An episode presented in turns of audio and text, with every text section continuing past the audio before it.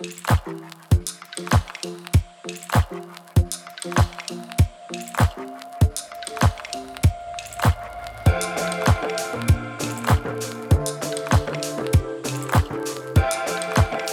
al mijn klanten werken wel met een uh, eh, VA als ze starten bij mij. Sommigen ook al met uh, meerdere VA's, business managers, grotere teams. Maar in ieder geval geldt voor de klanten die starten met een VA dat er een punt komt dat ze denken: en nu? Ze zijn gegroeid als het goed is bij mij in de real deal, in omzet, in expertstatus, in de kwaliteit die ze leveren aan klanten, de beleving die ze willen neerzetten. Ja, ze voelen op een gegeven moment dat de VA die ze hebben of de OBM, online business manager die ze hebben, dat die ja, misschien niet helemaal toereikend meer is of wel toereikend, maar dat zij die misschien op een andere manier moeten gaan aansturen of er ontstaat in ieder geval een fase waarin het schuurt. Dat heeft er naar mijn idee mee te maken dat als je in de start-up fase zit, die echt niet alleen van toepassing is op mensen die echt net starten en hun eerste klanten krijgen, die fase duurt wel iets langer dan dat, dan ben je heel erg gericht op de voorkant. Op uh, de leads genereren, de gesprekken voeren, de, de, de klanten krijgen, die klanten helpen natuurlijk. Maar op een gegeven moment dan loopt die voorkant. En die loopt steeds meer.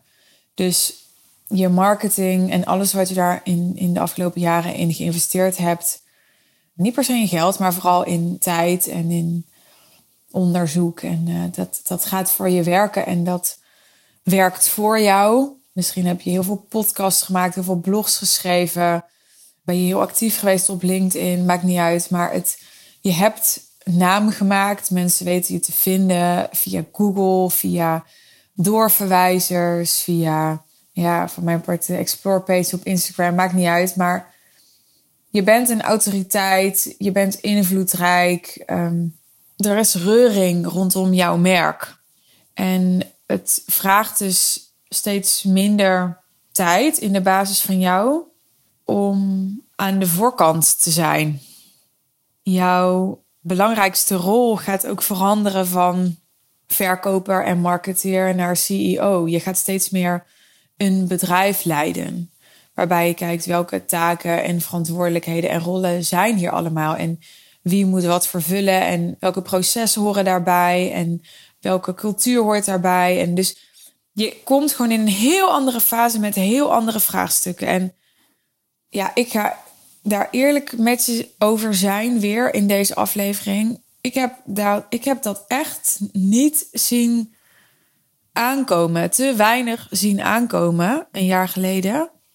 En dan hoor ik je denken, maar uh, had je dan geen goede business coach die je daarop attendeerde of zo? Maar ja, mijn groei en het, de stroomversnelling waarin mijn bedrijf kwam in combinatie met ja, een aantal dingen die gebeurden ook in mijn privéleven en zo, maakte dat het dat ik zat er eigenlijk al in voordat ik had kunnen zien dat ik erin ging komen. Ik ging uiteindelijk gewoon heel snel, snap je? Dus ik, ik belandde gewoon in heel snel, een heel snelle tijd in een nieuwe fase. Het was echt zo dat ik in juni sprak met Lindsay, die me ging helpen om twee medewerkers aan te nemen. En dat toen ik in augustus daar met Lindsay over sprak, dat we eigenlijk samen tot de conclusie kwamen dat in twee maanden tijd mijn hele situatie alweer veranderd was. Dat ik alweer tot nieuwe inzichten was gekomen en andere belangen en prioriteiten had, omdat het gewoon in twee, drie maanden tijd gewoon alweer heel snel was gegaan. Ik zat daar zelf natuurlijk middenin, dus ik had het niet eens zo door. Maar doordat ik af en toe gespiegeld werd door mensen om me die echt zeiden: Ja, maar dit is alweer heel anders dan twee maanden geleden, dacht ik: Oh ja, ja, dat is waar. Nou, het voordeel van het feit dat ik het zo ja, toch wel onderschat heb en niet zo heel voorbereid was op een fase waar ik afgelopen jaar in kwam. Het voordeel daarvan is dat ik daardoor veel ervaring heb opgedaan, veel op mijn bek ben gegaan, veel harde lessen heb geleerd en ja, daarmee mijn waarde enorm heb vergroot voor klanten. Want vorige week bijvoorbeeld schreef een klant van mij in haar voorbereidingsdocument voor onze call. Ik zal het eventjes met je delen. Ze schreef: Het gaat mij nu om mijn assistent. Ik heb, zoals gezegd, iemand die veel kan. Maar ik stoei ook met bijvoorbeeld welke taken ik bij haar neerleg. Hoe ik haar rol verder kan vormgeven. Welke dingen ik van haar kan slash moet verwachten. En waar ik juist een specialist op nodig heb. Ik denk dat ik daar een mega verschil kan maken. De customer experience optimaliseren en tegelijkertijd mezelf echt ontzorgen. Nu geef ik wel dingen uit handen, maar kan ik het niet altijd helemaal loslaten. Ze is goed in doen wat ik vraag en ontzorgt me al op een flink aantal hele praktische dingen. Maar ik heb het idee dat er meer potentie zit. Nou, dus het vraagstuk waar deze klant voor staat is: oké, ik, ik heb een VA, maar nu heb ik eigenlijk de omslag te maken naar een team. je kunt een assistent hebben die gewoon klusjes voor je doet. Maar als het op een gegeven moment niet meer ontoereikend is, dan zul je toch echt een visie moeten creëren op een team. En een team klinkt heel groot, maar dat kunnen ook gewoon twee mensen zijn die, die vijf uur per week voor je werken. Het maakt niet uit, maar er, er moet een visie op ontstaan. Wie moeten die twee mensen dan zijn? Hoe moeten die met elkaar samenwerken? Wat gebeurt er als een van de twee uh, vakantie heeft, ziek is? Hoe vangen ze elkaar op? Welke uh, rollen moeten die mensen vervullen? Ja, waar worden ze op, op aangestuurd? Welke output wordt er van ze verwacht? En, hoe wordt die output beoordeeld? Dus aanhalingstekens klinkt een beetje naar. Dat zijn allemaal best wel grote vragen waar je dus ook niet een al te groot ding van moet maken als je van een VA naar een team wil. Want ja, daar kun je de hele week mee bezig gaan zitten zijn. Maar je bent ook echt nog wel aan de voorkant nodig. Je hebt ook echt nog wel de leads te genereren, de klanten te werven. Dat gaat misschien al veel meer vanzelf, maar als je er op tijd bij bent, dan zit je ook nog niet in de fase dat het, dat het helemaal vanzelf gaat. En dat zal het ook nooit helemaal gaan. Want het feit dat ik nu moeiteloos, behoorlijk moeiteloos leads genereer, wil niet zeggen dat ik niet ook naar een hoger niveau leads weer wil. En dat dat wel degelijk weer wat vraagt van mijn positionering, van mijn marketing. Van... Dus het is echt een illusie om te denken dat je op een gegeven moment op een punt komt dat, dat het allemaal vanzelf gaat. Want zo werkt het gewoon niet, ondernemen dat is ook niet wat ik ervan verwacht. Ik wil jou een aantal dingen vertellen in deze aflevering die ik ook uh, mijn klant heb verteld in onze call.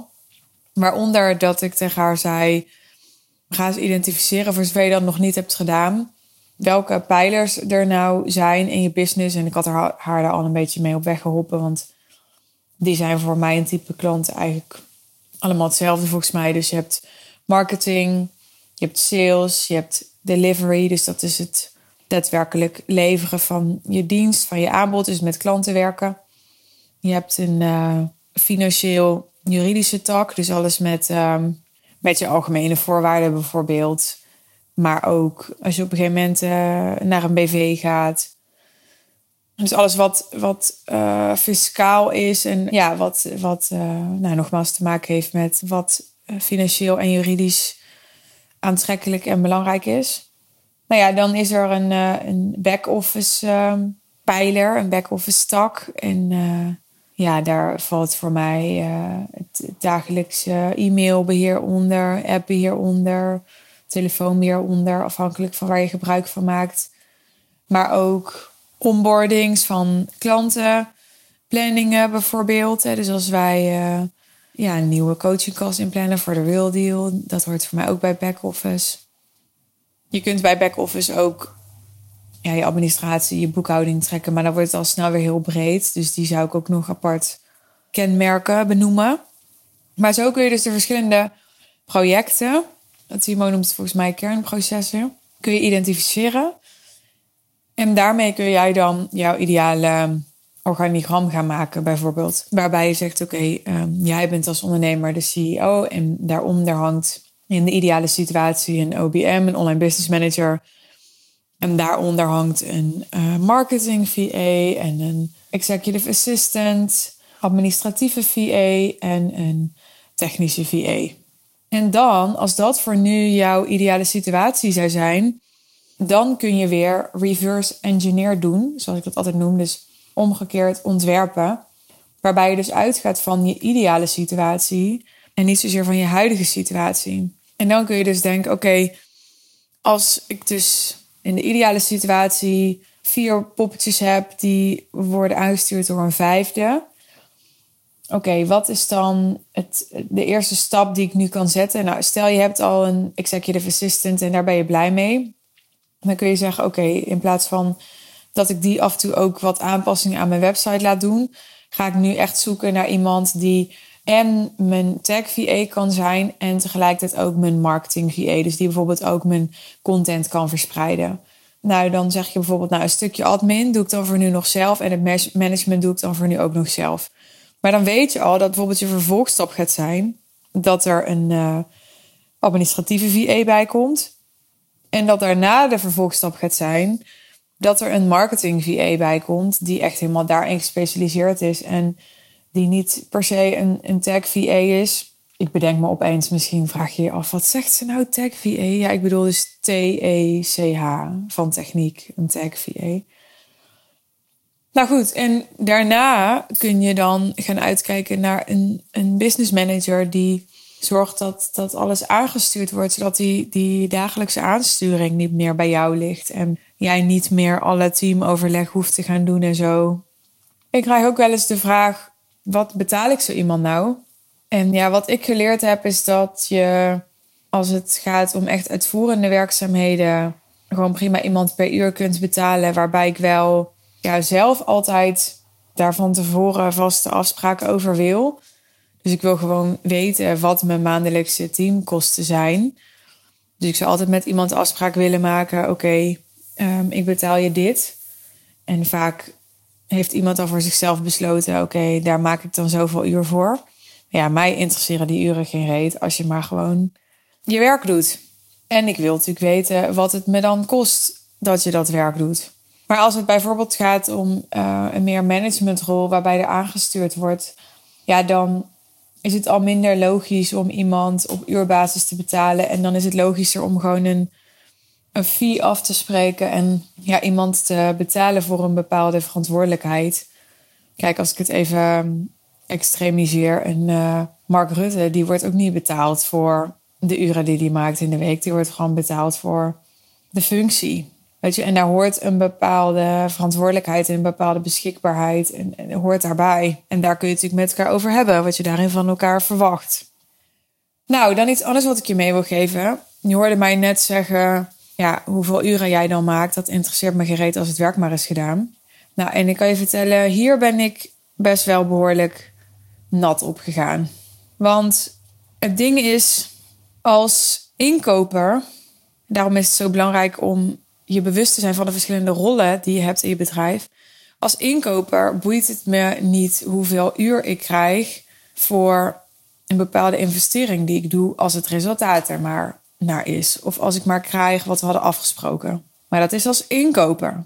Maar als leider en ook leider van een team, manager van een team, heeft het me dus wel te interesseren. Want iets wat ik heb geleerd is je kan wel doen, dat is wat ik heb gedaan, alsof het probleem dat jouw teamlid creëert, alsof dat zijn probleem is of haar probleem, omdat hij of zij dat zelf heeft gecreëerd. Bijvoorbeeld dat iemand zegt: Oké, ik ga deze rol opnemen in het bedrijf. Ik ga, ik noem maar wat, hè, dagelijks e-mailbeheer doen. En ik verwacht daar een uur per dag mee bezig te zijn. En ik breng er dus zoveel voor in rekening. Ja, als het dan uiteindelijk drie uur blijkt, dan ben ik geneigd om te zeggen: ja, dat is jouw probleem. En dat bedoel ik niet onaardig, maar ik, ja, ik ben gewoon heel zakelijk daarin. Ik denk dan, nou fijn, heb ik goed onderhandeld. Het leek uh, één uur, het is drie uur. Maar ja, ik heb nu die afspraak voor één uur. Heeft hij dan al toegezegd? Nou, mooi. Heb ik een goede deal. Maar zo werkt het niet met mensen.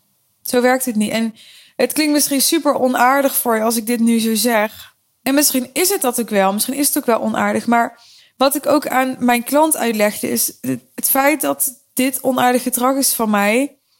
Is niet omdat ik onaardig ben, maar omdat ik altijd ingesteld was, was en, en ben nog steeds, maar op mijn klant.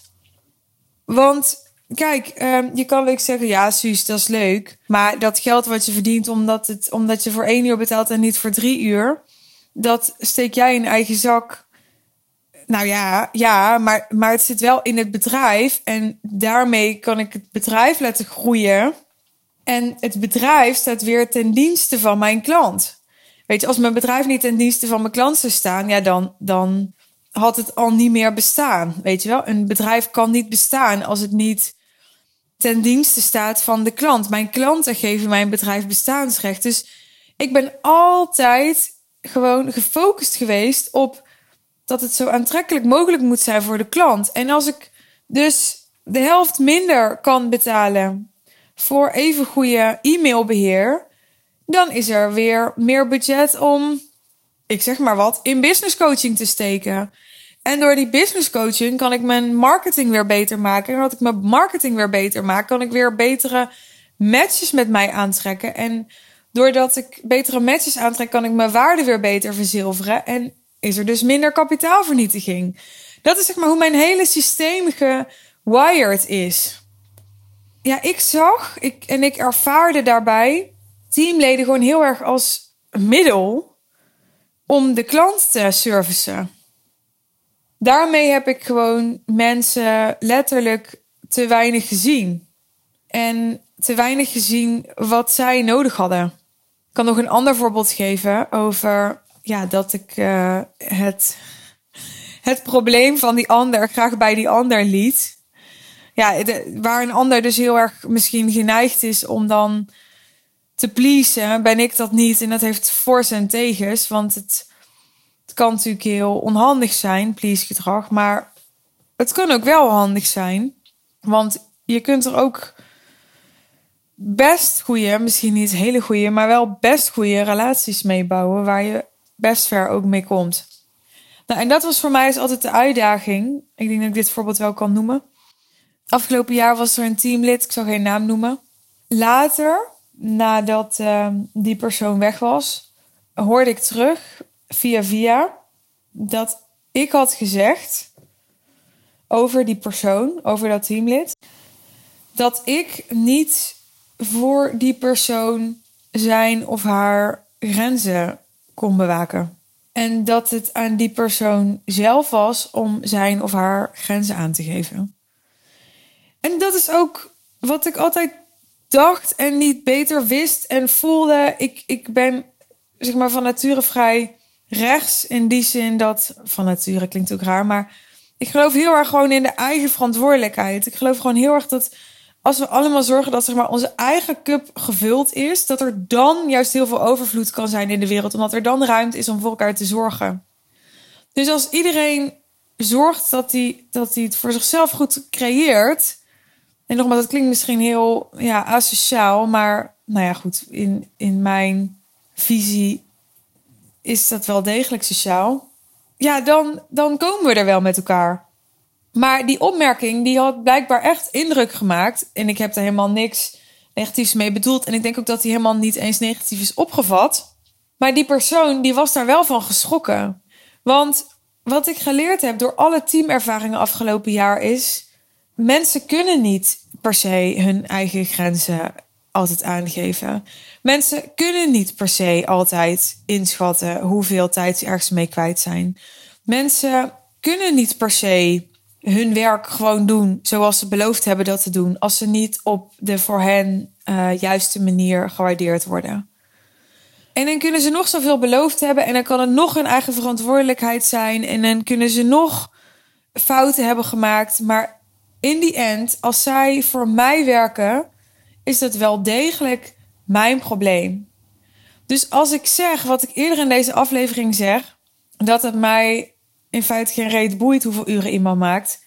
Dat is dus, dat klopt dus niet. Als in van, er is nog steeds een heel groot deel in mij wat dat niks boeit. Maar er is ook een deel in mij wat inmiddels weet, Suus, dat heeft ze wel te boeien. Want op het moment dat iemand veel meer uren moet maken dan waar hij gelukkig van is, of dan die die aan kan, of dan comfortabel is voor zijn of haar gezin, of whatever, dan of gaat die persoon weg, of gaat die persoon fouten maken, of gaat die maar. En ik heb daar last van.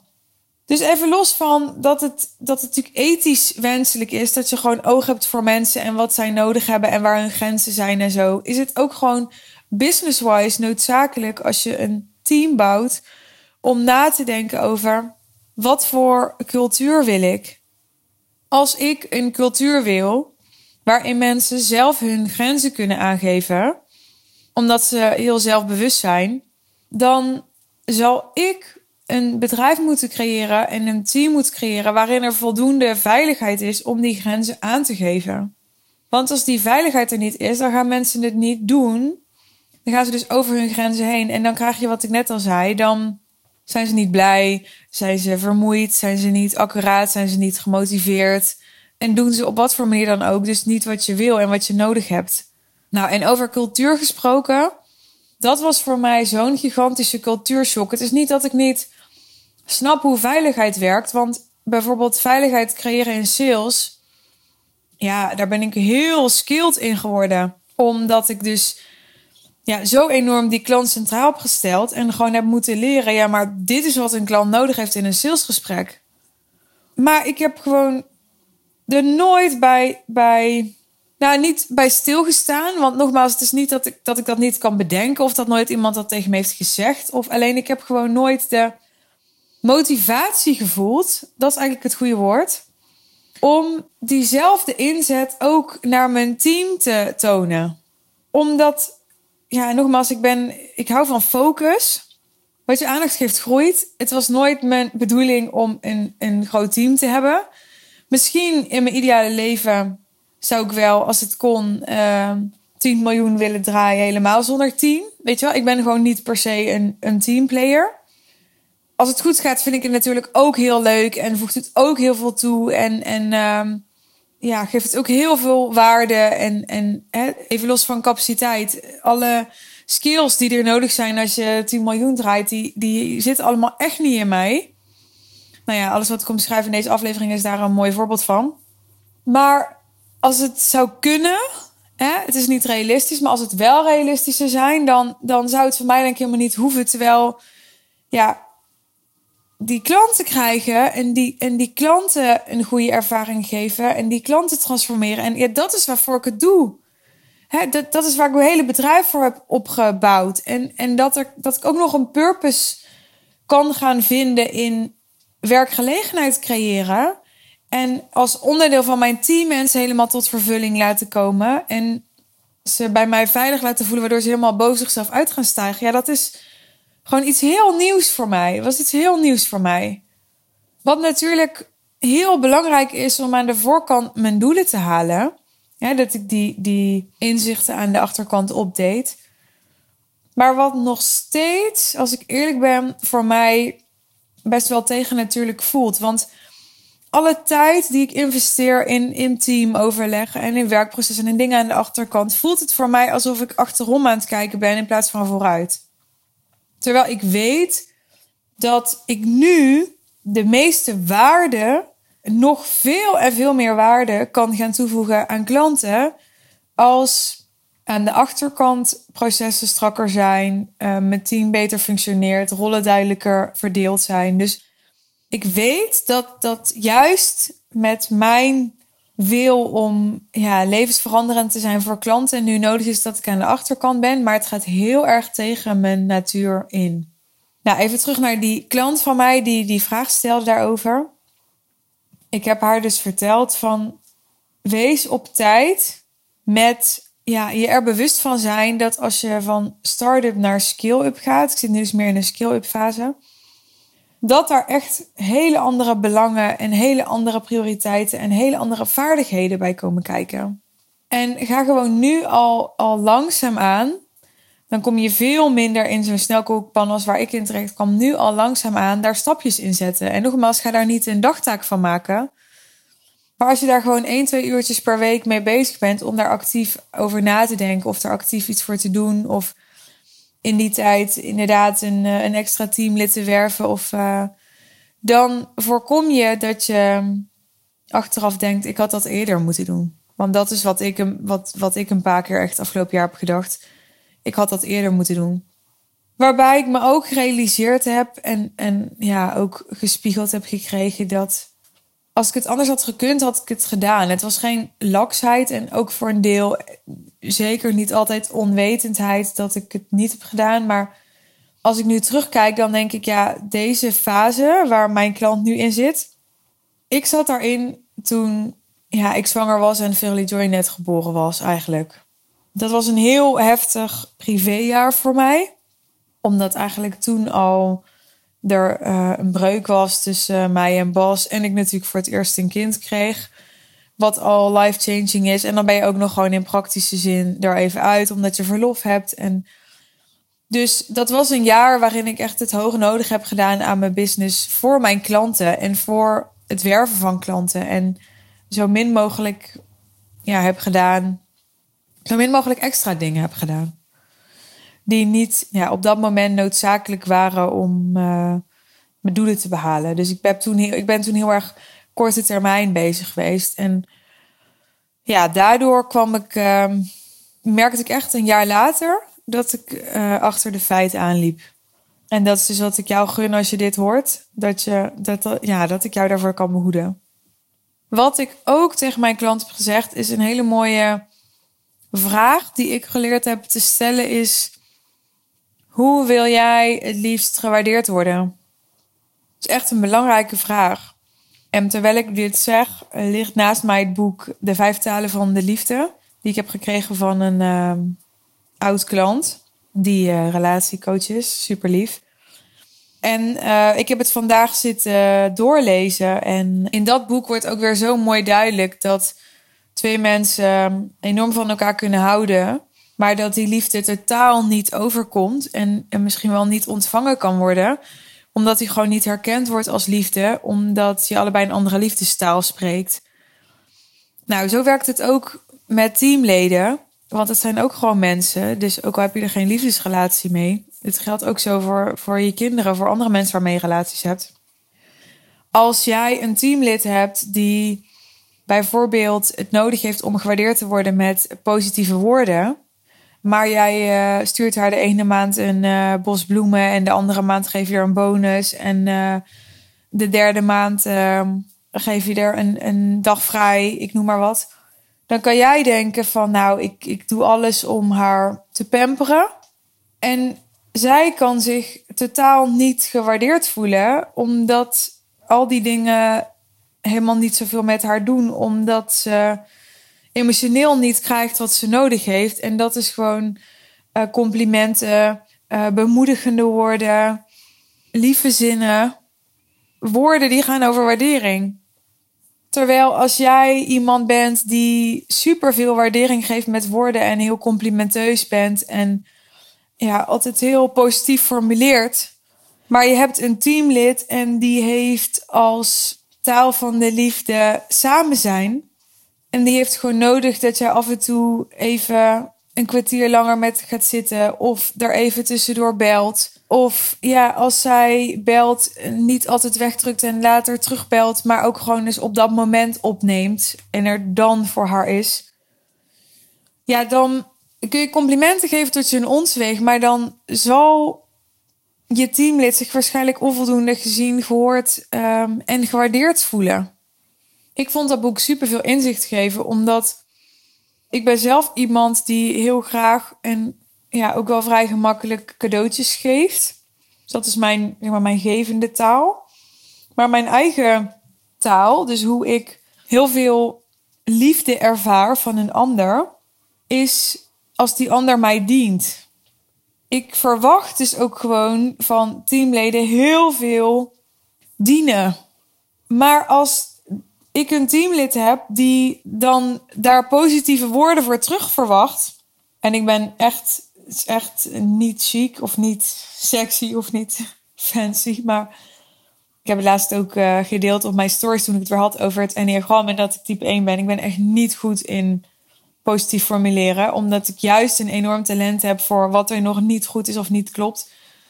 Dus dan heb je echt een slechte aan mij. Weet je, als jij heel erg die positieve woorden nodig hebt om dienend te kunnen zijn, ja, dan, dat gaat dan heel snel fout. Dat voel je al. Want die ander die gaat veel minder dienend kunnen zijn, gaat het veel minder kunnen opbrengen om dienend te zijn, omdat hij die positieve woorden niet krijgt. Waardoor ik alleen maar nog minder positieve woorden ga geven. Want ik denk, ja, hallo, waarom die je me niet? Je krijgt het toch voor betaald? Hè? En jij hebt je toch gecommitteerd en we hebben toch een afspraak. En, en... Dus stel die vraag en, en doe ook iets met het antwoord. Let daarop. Echt belangrijk. Ja, laatste advies. Ik ben iemand die, ja, denk ik echt minder dan gemiddeld aannames doet. Wat me aan de ene kant bijvoorbeeld een hele goede coach maakt. Want uh, daardoor blijf ik heel onderzoekend. En heb ik altijd de neiging om door te vragen op... Ja, maar wat bedoel je nou? Hè, of wat betekent dat dan? Of ik ga het niet zo makkelijk invullen. Aan de andere kant, als je niet tegen mij iets letterlijk zegt... dan pik ik het ook niet zo makkelijk op. Dan ga ik dus niet invullen dat het er is. Dus als jij niet letterlijk tegen me zegt van... Suus, ik vind het heel ingewikkeld dat dit of dat... dan ga ik het van nature niet zo heel makkelijk opmerken. Nou, misschien is dat voor jou heel anders. Ik weet dat dat voor heel veel mensen die ik ken is dat heel anders. Die zijn heel gevoelig voor sfeer of heel intuïtief of um, ja, misschien meer gericht op de relatie dan ik zou maar kunnen. Maar voor mij betekent dat dat ik altijd echt bewust ook tijd en aandacht en ruimte moet maken om dus te kijken naar de persoon. Dus niet alleen maar gewoon letterlijk aan te nemen wat iemand zegt over praktische zaken, maar ook te kijken naar hoe ziet deze persoon eruit? Weet je wel? Ziet hij eruit alsof hij goed en lekker geslapen heeft vannacht en goed in zijn vel zit? Of ziet hij eruit alsof hij eigenlijk echt geen zin heeft om aan zijn week te beginnen? Hoe is de, de lichaamshouding, de non-verbale communicatie? Hè? Hoe is iemands intonatie? Hoe, hoe is iemands stem? Maar ook merk ik dat het bijvoorbeeld langer duurt voordat ik antwoord krijg. Kijk, bij mij werkt het zo vertel het maar even voor iedereen die in de toekomst nog uh, voor en met mij gaat werken. Als je tegen mij opeens, of niet opeens, maar op een bepaald moment minder snel gaat antwoorden dan ik van je gewend ben, dan ga ik gewoon zeggen: hey, waarom antwoord je niet? Althans, misschien ga ik dit niet meer zeggen, want misschien ben ik het aan het leren, ben ik mijn leven aan het beteren. Maar ik ben geneigd om te zeggen: hey, waarom reageer je nou niet? Of waarom. In een privérelatie is dat nog anders. Maar in het zakelijke ben ik zo doelgericht, zo resultaatgericht, zo van op wat er moet gebeuren. Veel meer dan op wat het met iemand doet, hoe ik daarover praat. Dat, ja, als je niet tegen mij zegt. Joh, Suus, ik, uh, ik had zo'n knauw gekregen van ons gesprek vorige week. Omdat ik nu eigenlijk heel veel uh, druk voel op dit en dit onderwerp, zeg maar wat. En daardoor merk ik dat ik bang ben om, um, om die deadline niet te halen. En dus maar efficiënter en efficiënter probeer te werken. En dus minder vaak check of jij uh, wat gestuurd hebt. En dus minder vaak antwoord. Dan, ja, ik ben niet iemand die dan gaat vragen van... Goh, ik merk op dat. En hoe zit dat dan precies? En wat ik bij klanten wel doe... En wat ik privé niet altijd, maar ook eerder zal doen... ga ik veel meer erboven hangen en zeggen... ik neem waar dat... Maar met die teamleden, ja, dat, dat uh, en nogmaals, ik snap dat het heel onaardig klinkt, maar dat zie ik gewoon als een soort van schakeltjes om de radar te laten draaien.